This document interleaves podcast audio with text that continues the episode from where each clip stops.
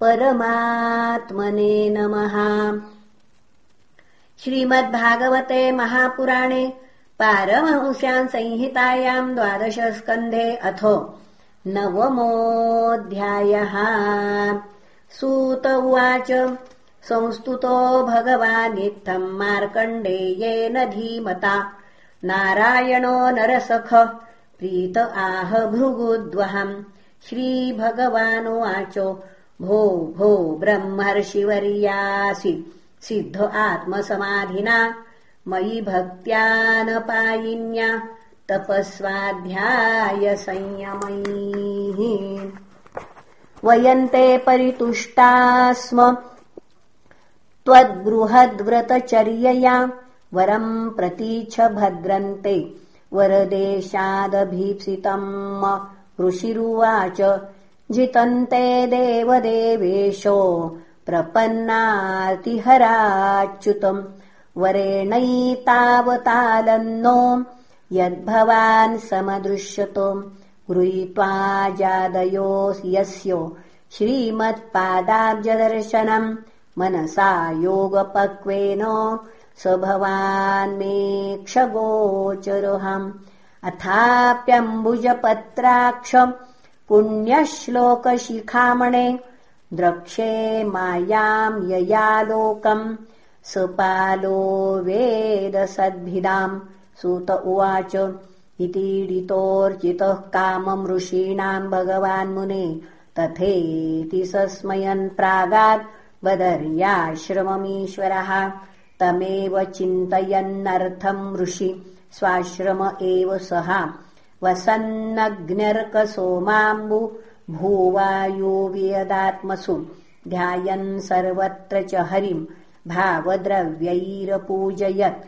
क्वचित् पूजाम् विसस्मार प्रेम प्रसरसम्प्लुतः तस्यैकदा भृगुश्रेष्ठो पुष्पभद्रातटे मुनेः।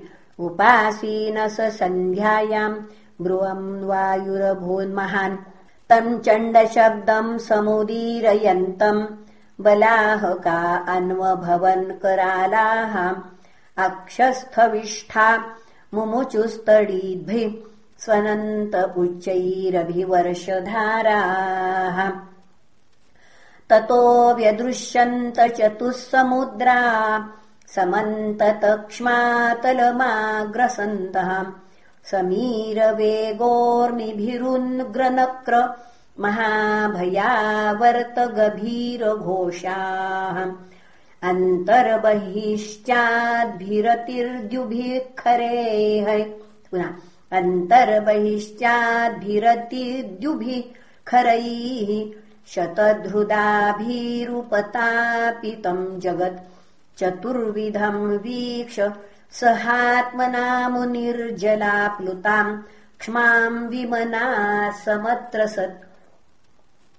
तस्यैवमुद्वीक्षत ऊर्मिभीषणः प्रभञ्जनाघूर्णित वार्महार्णवहाम् आपूर्यमाणो वर्षद्भिरम्बुदैः क्ष्मामप्यधात् द्वीपवर्षाद्विभिः समम् सक्ष्मान्तरिक्षम् सदिवम् सभागणम् त्रैलोक्यमासीत सह दिग्भिराप्लुतम्। स एक एवोर्वरितो महामुनिर्बभ्राम विक्षिप्य जटा जडान्धवत् शुत्रुट्परीतो मकरैस्तिमिङ्गलैरुपद्रुतो वीचिनभस्वता हृतः। हतः। पुनः उपद्रुतो वीचिनभस्वता हतः। तमस्य पारे पतितो भ्रमन् दिशो न वेदखम् गाञ्च परिश्रमेशितः क्वचिद्गतो महावर्ते तरलैस्ताडितः क्वचित् यादोभिर्भक्षते क्वापि स्वयमन्यो न घातिभिः क्वचिच्छोकम् क्वचिन्मोहम् क्वचिद्दुःखम् सुखम् भयम् क्वचिन्मृत्युमवाप्नोति व्याधादिभिरुतार्दितः अयुतायुतवर्षाणाम् सहस्राणि शतानि च। व्यतीयुर्भ्रमतस्तस्मिन् विष्णुमायावृतात्मनः। स कदाचिद्भ्रमौस्तस्मिन् पृथिव्याः ककुदिद्विजः न्यग्रोधपोतम् ददृशे फलपल्लवशोभितम् प्रागुत्तरस्याम् शाखायाम् तस्यापि ददृशे शिशुम् शयानम् पर्णपुटके प्रभयात्महा महामरकतः श्यामम् श्रीमद्वदनपङ्कजम् कम्बूग्रीवम् महोरस्कम् सुनासम् सुन्दरभ्रुवम् श्वासैजरकाभातम् कम्बुश्रीकर्णदाडिमम् विद्रुमाधरभासेषोच्छोणायित सुधास्मितम् पद्मगर्भारुणापाङ्गम् हृद्यहासावलोकनम् श्वासैजद्बलिसंविघ्न निम्ननाभिदलोदरम् चार्वङ्गुलिभ्याम् पाणिभ्याम् मुन्नीय चरणाम्बुजम् मुखे निधाय विप्रेन्द्रो धयन्तम् वीक्ष विस्मितः तद्दर्शनादीतपरिश्रमो मुदा प्रोत्फुल्लहृत्पद्मविरविलोचनाम्बुजः प्रहृष्टरोमाद्भुतभावशङ्कित प्रष्टुम् पुरस्तम् प्रससार बालकम् तावच्छिशोर्वै श्वसितेन भार्गव सोऽन्तः शरीरम् मशको यथा विशत् तत्राप्यदौ न्यस्तमचष्टकृष्णशो यथा पुरा मुह्यदतीव विस्मितः।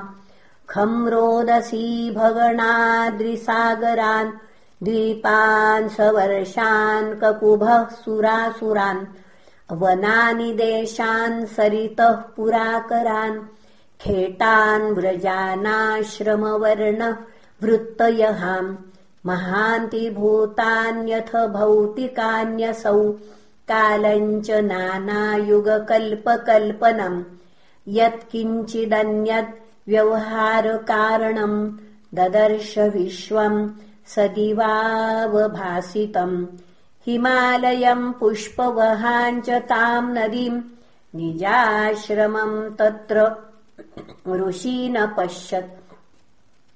विश्वम् विपश्यन् श्वसितान् शिशोर्वै बहिर्निरस्तोऽन्यपतल्लयाब्धौ तस्मिन् पृथिव्या ककुदि प्ररूढम् वटम् च तत्पर्णकुटे शयानम् तोकम् च तत्प्रेम सुधास्मितेन निरीक्षितोपाङ्गनिरीक्षणेन।